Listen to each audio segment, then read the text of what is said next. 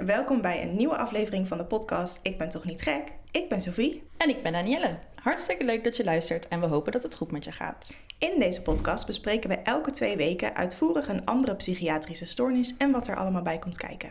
Hopelijk kunnen we er op die manier voor zorgen dat je je of herkent in wat mensen doormaken, of dat je een beter en wat accurater beeld van die bepaalde stoornis hebt gekregen. Vandaag in deze aflevering bespreken we de dissociatieve identiteitsstoornis, of in het kort DIS. Bij ons aan tafel is Helen aangeschoven, die deze diagnose heeft gekregen. Zij kan daarom als de beste vertellen wat deze stoornis inhoudt en welke vooroordelen die mensen hebben wel of niet kloppen. Hoi Helen, fijn dat je er bent. Uh, zou je jezelf misschien even kunnen voorstellen? Nou, ik ben dus inderdaad uh, Helen. Fijn om hier uh, te zijn. 39 jaar oud ben ik. En ik werk uh, nou, zo'n anderhalf jaar ongeveer met mijn ervaring. Helen, jij hebt dus de diagnose van DIS gekregen. Laten we eerst even kort bespreken wat deze stoornis volgens de boeken in ieder geval inhoudt.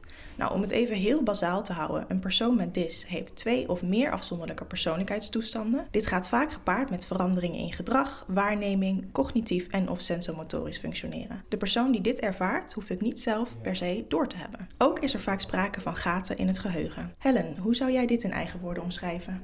Ja, dit ontwikkel je als je inderdaad, als je, als je in je ontwikkeling, als de persoonlijkheid zich nog aan het vormen is, dermate overweldigende ervaringen zijn, dan splitst eigenlijk uh, je geest in verschillende stukjes om daarmee om te kunnen gaan. En uh, daar kunnen dus ook heel veel gradaties in zitten.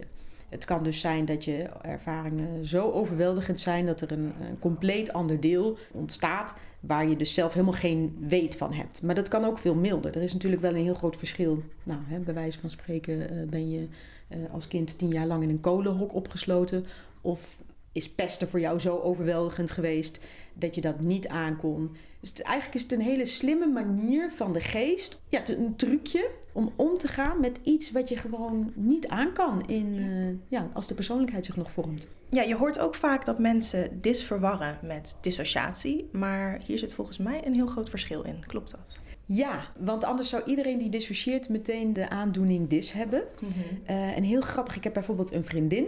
Psychisch is zij, uh, nou, hè, ze heeft in ieder geval geen officiële diagnose. Gewoon ieder mens heeft zijn ding. Uh, maar zij heeft op een gegeven moment lichamelijk zulke heftige pijnen gehad.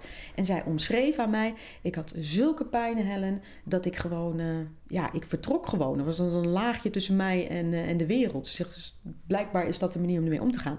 Ik zeg, nou, dat klinkt echt als dissociëren zij heeft echt niet ineens dis. Dus ik denk dat het sowieso al mooi is om te weten dat iedereen een bepaalde vorm van dissociatie kan En even terugkomend op wat is dis, daar geldt hetzelfde voor. Hè? En ik denk dat ook heel veel mensen inderdaad een keer iets. Uh, iedereen maakt wat mee in zijn opvoeding en heeft daardoor patronen en reacties. En ik denk wel dat er een. Dat is toch misschien belangrijk om te benoemen. Wat maakt het nou dat, het echt, dat, je, dat je de diagnose DIS krijgt? Er is gewoon een, een trigger. En dan van het een op ander moment heb jij geen controle over. Neemt iets het over? En de mate waarin is de mate waarin je de aandoening hebt. Dat is denk ik het verschil. Ik vind het wel mooi dat je, dat je inderdaad uitlegt, nou ja, wat is het verschil tussen uh, dis en uh, dissociëren. Want ik heb dan bijvoorbeeld tijdens mijn uh, traumabehandeling, als het dan heel erg heftig was en de exposure, zeg maar, dus dat je alles weer opnieuw moet, moet ruiken en herbeleven. Als dat hier te dichtbij kwam, dan merkte ik wel dat ik, dat ik gewoon, ja, ik zou het willen beschrijven als een soort van uitzonen, zeg maar. Dat je gewoon, gewoon even ergens anders bent. Uh, of dat ik vervolgens een stukje ging wandelen en echt uh, als een zombie rondliep. En dat is natuurlijk, denk ik, het verschil van... dat was voor mij dissociëren, maar dat is geen dis. Want hoe zou jij een, een dissociatie omschrijven? Ja, ik heb daar dus ook voor mijzelf persoonlijk ook heel veel verschillende uh, gradaties in. Dus ik kan het gevoel hebben dat er een stukje een beetje aan de voorgrond... weet je wel, ik ben nou zenuwachtig, dan komt er een stukje naar voren. En ja, in de ergste, uh, op de ergste momenten dat ik echt getriggerd word, ja, dan het is iets wat ook maar heel weinig mensen zien. En dan uh, heb ik van mijn vriend teruggekregen, ik heb een andere stem toch wel. Ik ruik anders. Het is ook iets waar ik, ik heb dan een, een, een als ik zo'n heftige uh, dissociatie heb. Een week later heb ik hem nog echt gewoon, mijn hele lichaam nog pijn. Jeetje. Mijn hele zenuwstelsel blijft aanstaan. Dus dat is dan gewoon een hele overweldigende uh, dissociatie voor mij is het wel zo dat ik het al. Ik ben nooit weg. Het is voor mij niet dat ik het me niet meer herinner. Dat kan ook bij sommige mensen. Maar voor mij, ik voel me gewoon niet mijn leeftijd. Ik blijf het zo. Ik schrik iedere keer weer. Mensen zien mij als een vrij sterke persoonlijkheid. Misschien bijna wel van zo, nou, zo, zo zelfverzekerd uh, als die Helen, zo zou ik wel willen zijn. Dus het is ook. Mhm. En dan als ik daarin kom, mijn hele gedachtenpatronen, gevoelens. Ik voel mij ook echt een ander mens. En ik schrik iedere keer weer. Ik ben er nog nooit niet van geschrokken.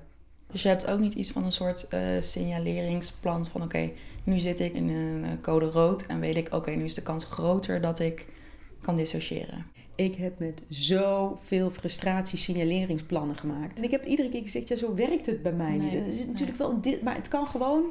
Er hoeft maar één dingetje te gebeuren. En bam, je zit erin. Want voor de mensen die niet, zoals ik, eh, weten wat een signaleringsplan is, kan je Ja. dat misschien even kort omschrijven? Binnen de psychiatrie wordt er heel vaak gebruik gemaakt van signaleringsplannen. Dus dat je moet aangeven, eh, joh, als ik minder in contact treed, dan gaat het minder goed met mij. Eh, maar als het zover is dat ik niet meer eet, dan moet je echt iemand inschakelen. Nou, zo worden iedere keer in de kleuren groen, oranje, rood, wordt er gezegd wat kan ik zelf doen, wat kan een ander doen. Oké, duidelijk. Dus een signaleringsplan waar we het net over hadden, dat, zorgt dat is eigenlijk juist in het leven geroepen om meer inzicht eh, in iemands stoornis te geven. En als ik het zo voor jou hoor, dan heb je daar eigenlijk juist helemaal geen grip op. Wat het misschien ook heel frustrerend maakt om zo'n plan te maken. Omdat je denkt, ja, ik wou dat ik kon weten wanneer ik zeg maar meer risico heb om te dissociëren. Maar dat werkt dus niet zo voor jou. Nee, dat vind ik echt een van de lastigste dingen. Ik weet inmiddels verstandelijk dat ik een aandoening heb, maar ik kan periodes hebben dat ik het gewoon nul voel. Hè? En dan iedere keer weer denk ik, oh, zou ik nu beter zijn? Dan denk ik, ja, je weet inmiddels wel beter, maar toch, hè? Dus het is wel degelijk zo dat ik weet dat dingen eh, spannend kunnen zijn. Dus daar kun je een beetje op anticiperen, maar nooit helemaal. Ik durf daar nog niet op te zeggen, er is geen grip op te krijgen. Ik denk wel dat ik durf te zeggen, dat is veel moeilijker. En een normaal signaleringsplan in een groepje met mensen met andere aandoeningen, dan voel je je gefrustreerd. Ja, Want hoe lang is het geleden dat jij deze diagnose kreeg? Het moment waarop het gesignaleerd werd, was eh, tijdens een eh, opname van een paar weken. Eh, daarvoor heb ik al, zat ik al heel lang in de, in de psychiatrie. En de, de, de eerste diagnose was depressie, angststoornis, kenmerken van borderline. Nou, die laatste heb ik, heb ik zelf heel veel last van gehad.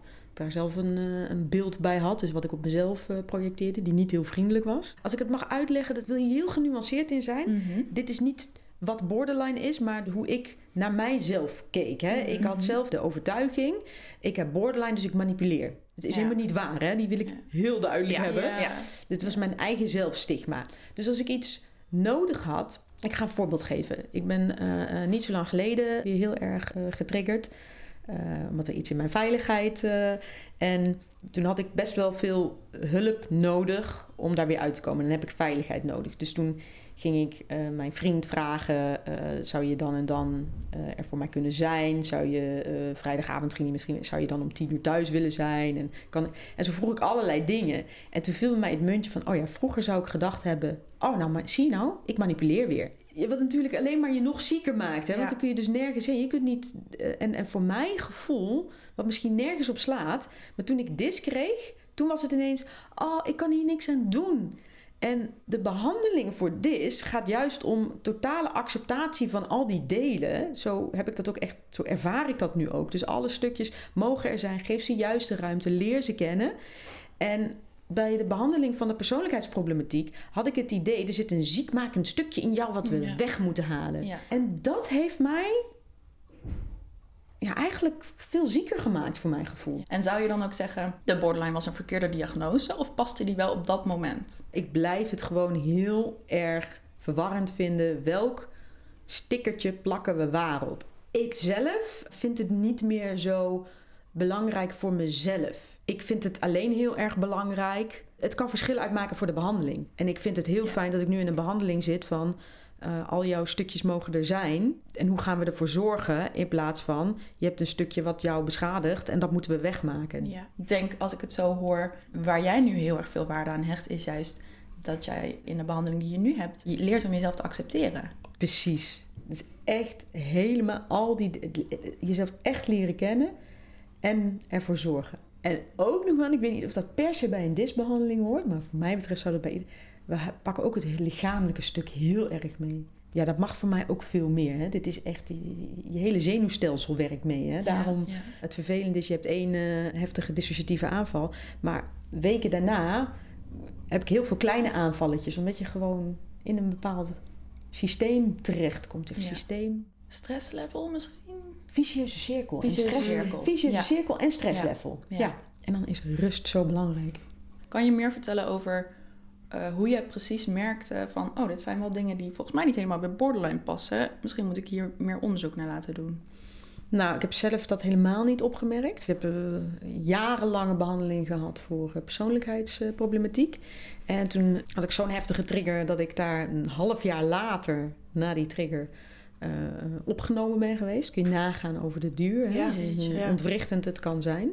Ja. Eh, in een, toen zat ik echt lang in een stukje. Toen was, ik ben ik ook heel erg geschrokken van mezelf. Ik had echt het idee dat ik al heel erg ver was in mijn behandeling. Ik had Mm. zoveel inzicht. Ik was echt van, nou, hoe kan dit? Nou, en eh, tijdens die opname eh, hebben ze me echt... Dat was een, ook een wat, wat kleinere setting. En hebben ze me voor het eerst echt vijf weken lang echt kunnen observeren. En daar hebben ze gezien van, maar wat vreemd. Dus, dus de, we zien zelden dat iemand zo snel schakelt. Echt van een op het andere moment zagen zij enorme stemmingswisselingen. Echt gewoon, bam. En dat had jij zelf niet door? Ik had, dacht dat dat gewoon allemaal maar bij mijn... eh, Bij je borderline hoorde. ja, Ja. dat, dat hoorde daarbij, dacht Ja. ik. Oh ja. En zij hadden zoiets van, dit vinden we eigenlijk wel heel gek. Hm. En toen ben ik mij gaan inlezen op... eh, eh, nou, toen, zeiden ze, toen hadden ze het over stoornis. Had sorry, ik ben niet gek. ja. Dus dat, dat heb ik echt niet. Ik heb echt niet meerdere persoonlijkheden in me. Mhm. En toen ging ik erover lezen, meer de nuance die daarin kan zitten. Precies. En dat je wel inderdaad dat de stukjes, die, die, die, die, dat je, ja. Toen, toen voelde ik wel van, als je het genuanceerd bekijkt, klopt het wel inderdaad. Er zijn eh, stukjes, dan voel ik me echt totaal, ik voel me echt een ander mens. Ik voel me echt geen volwassen vrouw van 39. Echt niet. Ja. Beangstigend blijft het hoor. Ben ik niet Ja. Helen. Ja. Blijf ik vreselijk vinden. Ik, ben ook, ik, ik, voel me ook echt gewoon een afhankelijk kindje. Dus, dus er zit, de hele wereld is onveilig. Iedereen. En niet echt en onveilig. Hm. Jeetje. Ja. Ja. Lijkt me heel erg heftig. Lijkt me heel eng om mee te maken. Ja. Ja, want het is gewoon. Ik vraag me nog steeds af, hoe moet ik nou echt in die zin echt een. Hoe moet ik nou echt mijn leven op gaan bouwen? Hoe moet ik nou. eh, oh, ik merk dat het me echt emotioneert. Hoe ga ik nou Ja. werk vinden? Mhm. Ja. Betaald. Ik werk wel, maar hoe ga ik nou, hoe ga ik nou uitleggen? Je komt zo stevig over. Ik weet nog, de, de, toen ik voor het eerst een traject ging krijgen naar werk, die dame die had in eerste instantie iets van: wat is dit? Is dit gewoon een soort iemand die, die ze ingehuurd hebben om te kijken of wij ons werk wel goed doen als reïntegratiebureau? Oh, ja. echt zoiets van: er is echt niks met haar aan de hand. Zij heeft echt niks. Dus dat was haar eerste indruk. Vervolgens heb ik een traject gehad van haar met, een, met, een- met meer dan een jaar. En haar eindconclusie was, nadat aan het einde van dat traject: Helen, misschien moet je maar gaan vragen aan het UWV dat je volledig en langdurig arbeidsongeschikt verklaart. Want ik zie. En beide vond ik vreselijk. Ja. Een hele lieve dame hoor. Geen, maar beide vond ik vreselijk. Want ik dacht, maar de, de waarheid zit ergens in het midden. Ja. En ja, mag je er ook zijn met dit? En ik kan nooit 100% beloftes doen. Mhm. En mag ik erover terugkomen hoe we deze afspraak bijvoorbeeld hebben tot stand is gekomen? zeker. Ik had het heel erg nodig om jullie te vragen: is het oké als ik last minute afzeg? Is het oké als ik het uiteindelijk niet wilde het uitgezocht? Allemaal dat soort veiligheden. Ja. En heel logisch hadden we jullie toen de reactie gegeven: is het niet beter dat we het uitstellen? Ja. Ah, en bam, denk ik, zie je nou weer? En Mm, weet je, ik- ja. ik- dan denk ik, oh, dat wil ik, dat wil ik ook niet. Ja. Nee, ja. Ja, dus inderdaad, een, een, een volledige ja is dan spannend voor jou. En een volledige nee denk je nee, maar dat is ook niet wat ik wil. Maar ik moet een middenweg vinden van hoe kan ik het voor mij veilig maken, inderdaad. Ja. En dat is denk ik ook met werk als iemand zegt van... en Dat is denk ik ook de maatschappij van nu. Of je werkt, of je werkt niet. Ja, Ja. zo is het Het heel is erg niet- ingesteld. Het is niet een grijs gebied van... laten we met jou meekijken naar wat wel lukt. En dat vind ik echt zonde, Ja. want ja, no offense. Ik heb het idee dat ik echt wel wat te brengen heb in deze wereld. Nou, dat, eh, ik denk dat ik voor ons allebei kan Ja. spreken dat dat zeker het geval is, ja. Ja, dankjewel. Ja. Hm. Daarom zijn we ook super blij dat je deze podcast mee wil doen. Ja, Omdat je dan toch ook aan anderen laat zien ook van... dit ben ik, dit is Helen en dit is wat ik allemaal te bieden heb. ja. Ja. maar inderdaad, jij bent niet dis. Nee. Nee. En dat blijkt nu al uit, uit de korte tijd dat ik jou in ieder geval ken. Dat het een onderdeel is van wat er bij je hoort, maar niet eens van wie je bent. Nee. En ik kan hele lange periodes hebben dat ik nergens last van heb. Ja, Maar die periodes ben ik ook niet. Ik, ik kan dus in die zin, ja, dan zou ik zoveel kunnen. Ik weet ook niet of het, ik, ik zeg het maar heel makkelijk, hè. Maar eh, het is natuurlijk heel jammer dat je gewoon heel goed eigenlijk op een bepaalde manier ook betaald zou kunnen functioneren. Maar dat die kans je niet geboden wordt in principe. Omdat, je, omdat ik dan heel veel veiligheid in wil bouwen. En dan denken ze, oeh.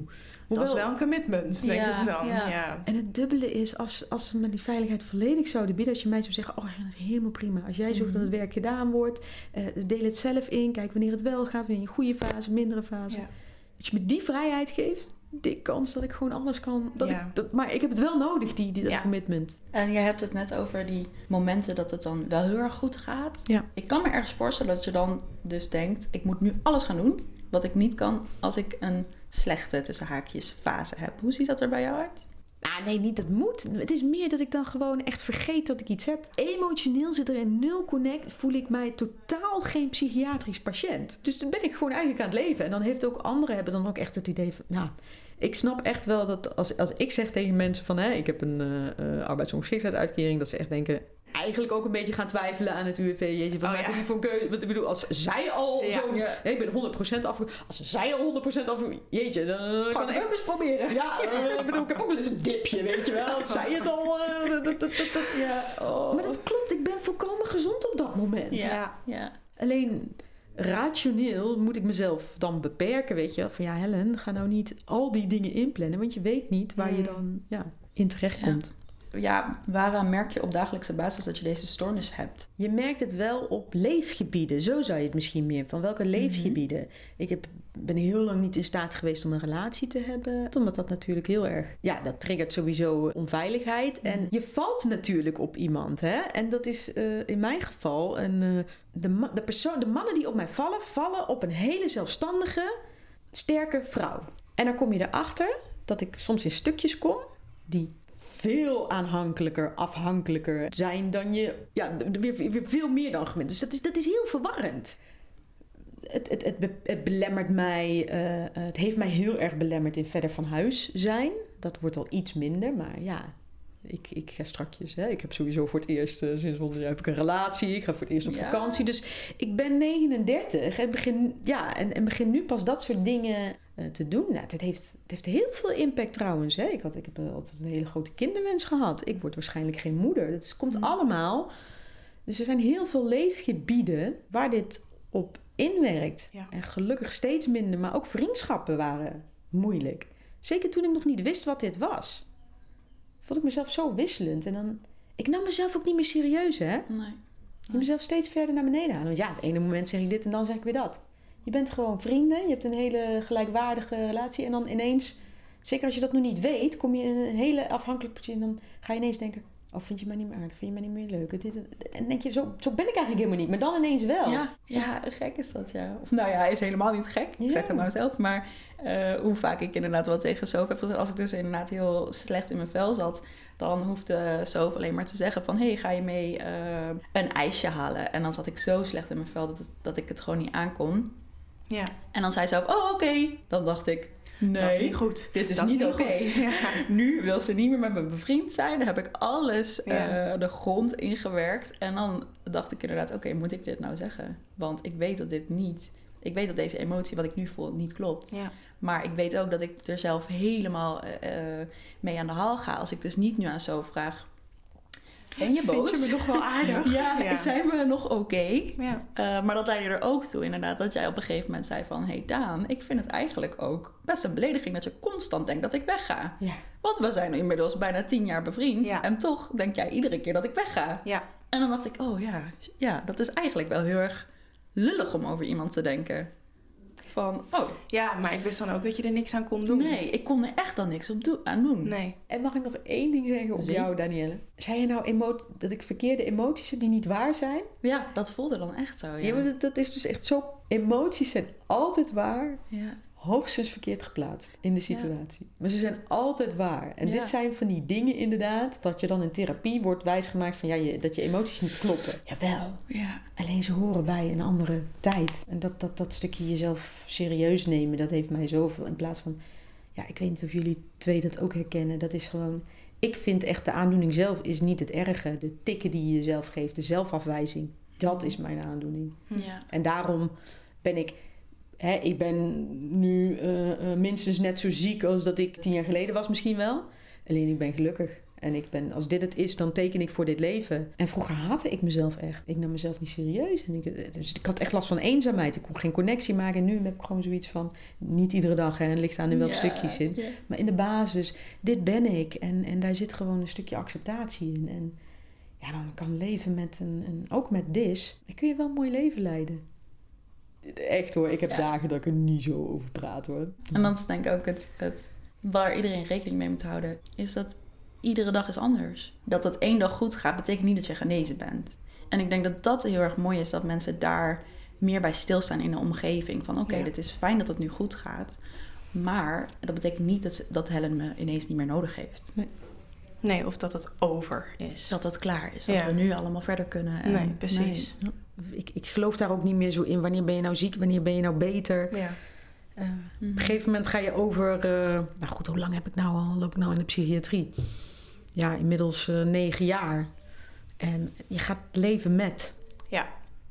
Ja. Ja. En niet wachten op eh, genezing, wat dat dan ook is. Nee. Het blijft altijd een kwetsbaarheid. Ja, Ja. maar dat is zelfs, met, als ik dat mag vertellen, zelfs Ja, met zeker. jouw eetstoornis nog. Ja. Daar moet je ook altijd op blijven letten. Ja. Ja, ik heb dan inderdaad dan eh, toevallig nu een periode dat ik dan merk dat ik heel erg gestrest ben. En dan inderdaad meer gaat sporten. En als ik gestrest ben, dan, ja, dan, dan lukt eten me gewoon minder goed. Dat is gewoon niet vanuit een eetstoornis, maar gewoon ja. Dat, ik vergeet gewoon om te eten. dan eh, ben ik met allerlei andere dingen beter. En dan is het vier uur en dan denk ik, oh, oh, volgens mij heb ik nog niet gegeten. Of dan zeg jij, ah, Daan, heb je nou Heb al wat gegeten? gegeten? En dan denk ik, oh nee, ben ik helemaal vergeten. Ik heb tien keer bedacht ik moet eten, Ja. maar ik vergeet het gewoon. Maar dat zegt ook wel van inderdaad het, het, het vele sporten. Ik moet dit altijd in de gaten houden. Want het levert me heel erg veel op, maar tegelijkertijd kost het me ook heel erg veel moeite om constant die afweging te maken. Doe ik dit nu omdat het goed is voor mijn mentale gezondheid, omdat ik de deur uit ga en even die stress van me afzet?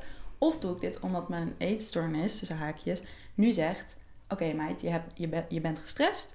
Ehm, daarbij leggen we ook nog eventjes eh, die hoge lat eh, nog wat hoger door te zeggen. En je moet ook nog sporten, want je moet fit zijn. En de zomer komt eraan. En dit en dat. Ja. Dus ik denk dat dat blijft altijd een deel, eh, een deel van je waar je inderdaad alert op moet zijn. En Ja. Dit, Ja. dit wat je nu aanraakt, vind ik ook wel echt een van de dingen die ik lastiger vind te accepteren. Je bent, je, ik heb wel het idee dat je nooit helemaal zo vrij wordt als een ander. Want nee. een aantal van de dingen die je moet, weet je, heeft iedereen last van. En dat Ja. vind ik altijd. Hè? Dat Ja. Ook met dingen waar ik, weet je, iedereen heeft er last van. Alleen als je ja, dermate heftige psychische problematiek hebt, je, dus je zet zo'n vergrootglas op jezelf, hè? Ja. Een ander heeft, weet ik het, met de, iedereen heeft wel eens een paaldag. Maar inderdaad, Ja. in, in ons geval denk je, gaat het nou weer mis? Of doe ik Ja. nou, weet je wel, of de- is het nou wel gezond of niet? In plaats van dat ik, als ik denk vroeger, ik dacht niet over dat soort dingen na. Ja, dat, dat is wel, dat vind ik, een, eh, dat, dat, dat is wel een stukje om van te rouwen. Dat je nooit meer Ja. zo vrij kunt leven als iemand die... Die niet met een stoornis is gediagnosticeerd. Laten we het daarop houden. En die zal in periode van stress ook ofwel meer ofwel minder eten. De, de, Ja. bedoel, Ja. eten en stress door- de- de- en, en, ja, het zit bij elkaar in de hersenen. Maar precies. Ja. wij moeten overal over nadenken. Ja, Dat moet niet. Van Ja. waar komt het vandaan? Dat gaat van, Ja. ja. ik denk dat je je door therapie hebt geleerd inderdaad. Om signalen bij jezelf te herkennen en te denken, oké, dit herken ik van het, uit het verleden. Moet ik hier iets mee of is dit oké? En om constant die afweging te blijven maken, dat is heel vermoeiend. Ja. Het mooie is nu, door, door wat jij nou zegt, eh, eh, raakt het me ook ineens in de positieve zin. Want het, als je hem inderdaad negatief stelt, betekent dat we altijd op moeten letten. Maar als je hem positief stelt, heb ik wel het idee dat als je psychisch kwetsbaar bent, dat je op een bepaalde manier altijd, je moet waarachtig leven naar jezelf. Als je het niet Dat doet, is- Ja.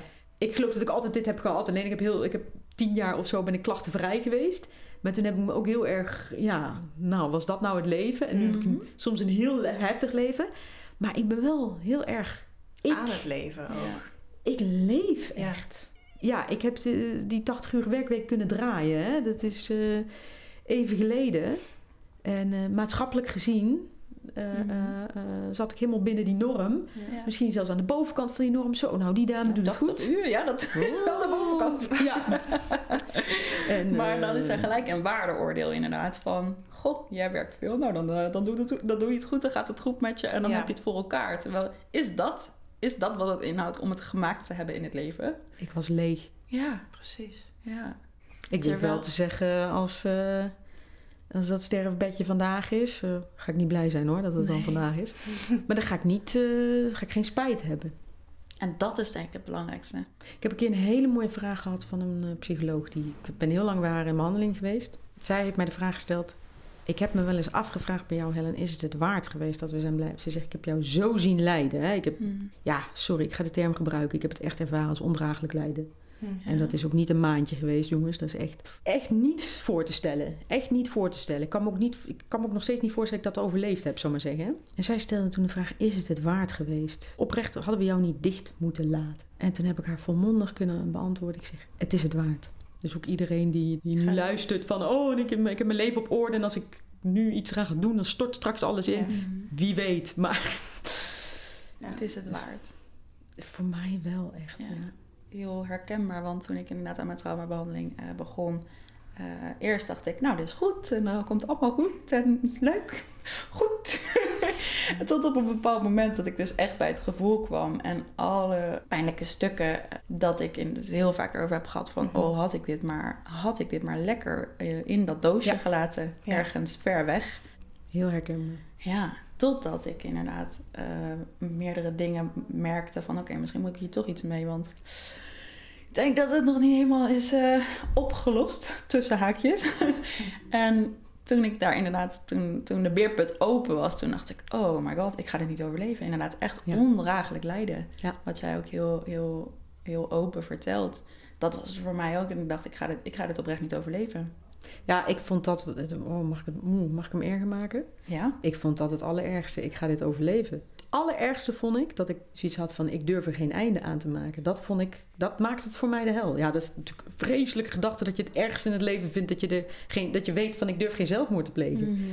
Eh, Maar dat ja, maakt ik, weet, ik, je- ik vind het ook altijd weer moeilijk. om- Maar goed, aan de andere kant weet ik ook... laten we dit soort dingen bespreekbaar maken. Hè? Zeker, ja. Eh, maar dat vond ik het allerergste. Nou, dan... Ja, dat ik zoiets had van... zelfs dat is mijn escape niet. Zo Mhm. opgesloten. is inderdaad dat je wist, ik moet dit ondergaan, want ik durf niet om er zelf een einde aan te maken. Ja. Wat dus natuurlijk uiteindelijk je redding is geweest dat je het bent ondergaan. Maar op dat moment voelt het denk ik heel uitzichtloos. Ja, en als iemand inderdaad nu meer in die fase zit, oh weet je, ik bedoel, eh, alsjeblieft, weet je wel, eh, eh, heb compassie met jezelf. Als je, Ja. als je in een ander moment zit, en die momenten heb ik ook, hè. Houd toch op, dan moet je, heb je echt niks aan die positieve praat. Je komt er beter uit. Gewoon, zeg gewoon tegen jezelf, dit is vreselijk. En probeer zo lief mogelijk te zijn voor jezelf. Want Ja. dan wil je ook niet horen, het is ergens goed voor, je wordt er beter van. Mhm. Houd toch op, ik kan niet Ja. meer. Ik, dit is, dit is, ik ben geen mens meer. Ik heb me echt, geen, ik heb me echt onmenselijk gevoeld. Ja. Ja. Ja. Ik denk ook dat dat het heel erg moeilijk maakt. Het is misschien wel een mooi bruggetje van wat raad je eh, mensen Ja. aan die deze stoornis hebben. Ja. Eh, hoe leg je dit uit aan mensen? Want ik vond het heel naar. Ik heb aan zo, zo vaak proberen uit te leggen hoe ik me voelde. Ja. En het enige wat ik, wat ik kon zeggen is, ik zie het niet meer zitten. Nee, Ik, eh, weet niet, ja, ik weet niet hoe ik hiermee om moet gaan. Hoe moet ik dit overleven? ja. Ik heb er nog steeds geen manier voor gevonden. Hoe je dat aan mensen kan uitleggen. Erken om te beginnen maar eens eerst voor jezelf dat dit eenzaam is om dit te hebben. Dat in de eerste plaats. In de tweede plaats, wie weet, is er een mogelijkheid tot lotgenotencontact. En als je beter in je vel zit, dan gaan er wel weer woorden zijn waardoor je het... Maar in je diepste moment is het eenzaam. En is, alleen, Ja. is dat misschien al wel gewoon die erkenning voor jezelf. Dit is heel eenzaam. Wat jij zegt is, heb begrip voor jezelf en wees lief voor jezelf. En inderdaad, mensen hebben echt de, aller, de allerbeste bedoelingen te zeggen, het wordt echt beter. Maar ik denk het enige, als ik het zo vanuit mijn eigen ervaring, is alleen maar, hoe weet jij nou of het beter wordt? Je hebt het toch niet meegemaakt? ja maar dat is, dat is denk ik ook het lastige voor mensen die ernaast staan. dat maakt iemand inderdaad heel erg. Ja, je kan er gewoon niet bij. Ik kan dat me niet voorstellen, omdat ik het nog nooit gevoeld heb. Nee, Als je het dan inderdaad heel lastig vindt om het onder woorden te brengen, dat maakt het gewoon heel moeilijk. ja. Voor jou, maar Ja. ook voor de mensen om je heen Ja, inderdaad. zeker. Omdat je zo graag wil helpen, Ja. maar je kan niks doen. En dat Nee. maakt het zo eenzaam, denk ik ook. ja. En ik denk ook dat mensen in, me- in je omgeving heel erg hulpeloos zijn. Ja. Ja, Omdat ze heel graag iets voor je willen doen, maar ook gewoon niet weten wat. ja. En ja, heel, heel eerlijk, er is ook niet heel erg veel wat je kan doen om die pijn weg te nemen. Behalve er voor iemand zijn en vragen, wat heb jij op dit moment Wat van me nodig? Ja. En zelfs dat, wat je nu zegt, kan soms... Ja, voor mij in ieder geval, ik kan in zulke jonge stukjes komen dat ik daar niks mee kan hoor. Mhm. Misschien is het voor de omgeving dat, dat, dat die gewoon zo goed mogelijk voor zichzelf zorgt. Want het, je, je Mm. bent machteloos, inderdaad. Ja. Dat, wat ik nodig heb is bijna niet... Het, is, het komt zo nauw. En die blik... Mhm. Ja, die blik, nee, die is verkeerd. Mm. Ja, hoe moet ik dat uitleggen? Dat die blik verkeerd is. Ja. Ja, nu zeg je dit, dit was niet goed. Ja, maar en nou sta je op. Ja, maar wacht even, dat is... Alles kan verkeerd zijn. Echt alles. Dus, dus, dus ja, voor de omgeving van mensen met dis... voel je niet aangevallen. Ja. Want dat klinkt heel stom, maar daar heeft de ander dan weer last van. ja, ja. Ik zou het het mooist vinden, en dat is natuurlijk het moeilijkste wat er is... maar dat het volledig om jou mag eh draaien, weet je wel? Dus Ja. dat de ander even dealt met zijn eigen emoties. Hoewel Ja. het heel veel doet met jou waarschijnlijk als, eh, eh, eh, eh, Naast. als naaste... Dat je kijkt of je dat even op een andere manier kan reguleren. ja. Probeer zoveel mogelijk jezelf niks kwalijk te nemen en die ander te laten zijn. En gewoon, ja, dapper genoeg zijn om in de aanwezigheid te zijn van iemand die lijdt. Want Mm. dat durven de meeste mensen niet. Mm. Eh, ik denk dat ik hem nog even wil terugpakken op wat zij zei, wat helpt voor iemand die zelf dis heeft. Wat voor advies je misschien... Ja, je had het Hebt. dus al over, eh over lotgenotencontact. Ja. Dat dat eh, behulpzaam zou kunnen zijn. Ja. Eh, wat heeft jou nog meer geholpen om ja, meer compassie voor jezelf te hebben in ieder geval? Welk advies ik wil geven? Als je dis hebt, en ik denk wat je ook hebt, er zit in iedereen een stukje dat je weet, dit is waar, dit is mijn ware stem. Als je op zoek gaat naar behandeling en jij voelt, dit is het hem niet, vertrouw jezelf. Je weet het al. We hebben heel veel zelfkennis en waarheid in ons. Ja. Dus luister naar jezelf. Eh, je kan beter drie jaar wachten op een behandeling. En ondertussen inderdaad kijk waar je je veiligheid kan vinden. Maar een behandeling waar je overvraagd wordt, waar je niet prettig voelt, kan meer schade doen dan helpend zijn. Dat heb Ja. ik wel echt ervaren. De belangrijkste boodschap is, eigenlijk weet je het al. Wij weten als mensen echt wel ergens wat goed voor ons is. Dus luister naar die stem. En ik wil denk ik wel een aantal namen noemen. Pat Odgen, eh Deb Dana, Bessel van der Kolk. Dit zijn auteurs die benadering hebben van acceptatie. En sommigen gaan echt in op, eh, op dis, anderen alleen op trauma.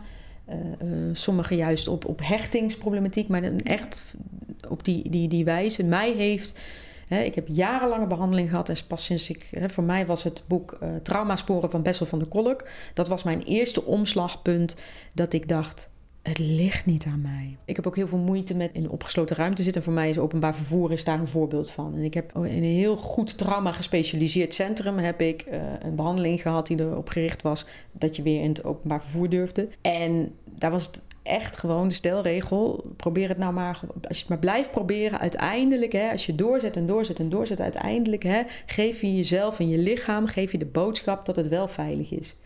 Ik heb dit ervaren als hertraumatisering. Mm. En toen las ik het boek van Bessel van der Kolk. En die schreef, in het geval van eh, trauma of overweldigende ervaring... is het in de eerste plaats belangrijk dat er veiligheid is. Als er veiligheid er niet is en je gaat behandelen, ga je hertraumatiseren. Ik heb twee uur lang gehuild van opluchting, van erkenning. En ik dacht maar dat ik geen doorzettingsvermogen had. Ja. En dat als ik maar gewoon harder mijn best deed, Ja. dat ik dan beter zou worden. Dus ik was Ja. ziek, bleef ziek door mijn eigen schuld. Ik deed niet hard Ja. genoeg mijn best. En die man zegt dan: nee, nee, nee. Zorg nou maar eerst voor veiligheid. En ga niet jezelf forceren. Ja, dat is helemaal goed. En ik denk ook die hele mooie boeken die jij opnoemde. Als er iemand in je omgeving hebt die dis heeft, is het denk ik ook gewoon heel erg goed om jezelf in te lezen. Om te proberen om wat meer te begrijpen. En dan, ehm, wat we de vorige, in de vorige podcast ook hebben gezegd, dat degene die diezelfde stoornis heeft, dat die het nog kan nuanceren. Het is natuurlijk heel fijn als mensen zich inlezen. Maar er zijn. Als je je inleest, dan kom je weer bijvoorbeeld bij zo'n diagnose terecht. Waardoor je toch gek genoeg hele verkeerde ideeën kan krijgen. Dus ik zou zeggen, eh, blijf er heel erg open in. Want ik heb het dus meegemaakt dat er iemand in mijn hele naaste omgeving. Toen ik de diagnose kreeg van eh, kenmerken van borderline. eh, was er iemand die had besloten. "Ik- heb begrepen dat jij boodschappen verkeerd begrijpt. Dus ik kan niet meer met jou in gesprek. Kan ik je behandelaar spreken? Dan heb ik het over iemand die eh, zielsveel van mij hield. En alleen maar het beste met mij voor had. Maar door het te lezen kreeg hij, had hij het idee, kwamen er toch misvattingen. Dus eh, vergeet nooit de persoon te blijven zien als je je inderdaad verdiept in, eh, in een bepaalde aandoening. Want dat, mensen willen houvast, hè? Ja. En dan Ja. gaan ze inderdaad, ADHD, dan ben je druk. Mm. Hm. Autisme, oh, dan kun je niet communiceren. Ja. dis. Oh, dan heb je verschil. Ja, weet je, de- de- de- zo heb je allemaal. En blijf gewoon de mens zien. Ja. Ja. Eh, Helen, super bedankt eh, dat je hier vandaag wilde zijn en dat je erover wilde spreken in zo'n, over zoiets kwetsbaars. Ehm, en ik denk dat ik voor ons allebei kan spreken dat we er echt heel erg veel van hebben geleerd. Absoluut. Ja. Ja. ja. Heel En- erg bedankt voor je openheid. En, Ja. en inderdaad kwetsbaarheid. Ja, Super denk- bijzonder om, eh, om met je te praten. Ja, ik denk dat wij nog steeds, wij zijn nog steeds sprakeloos Ja. van alles wat er is verteld. En Ja, ja, ik, eh, ja, super bedankt. enorm. Ja, dankjewel. Jullie ook bedankt eh, voor deze kans. Goed, dit was het dan alweer voor vandaag. We hopen dat je het leuk en interessant vond om naar te luisteren. En dat je misschien al een heel ander beeld bij de dissociatieve identiteitsstoornis hebt dan aan het begin van deze aflevering. Ja, mocht dat nou het geval zijn of herken je jezelf in het verhaal van Helen, laat het ons even weten via ons Instagram-account Ik ben toch niet gek of mail ons via ik ben toch niet gek podcast at gmail.com. Dankjewel voor het luisteren en hopelijk tot de volgende aflevering.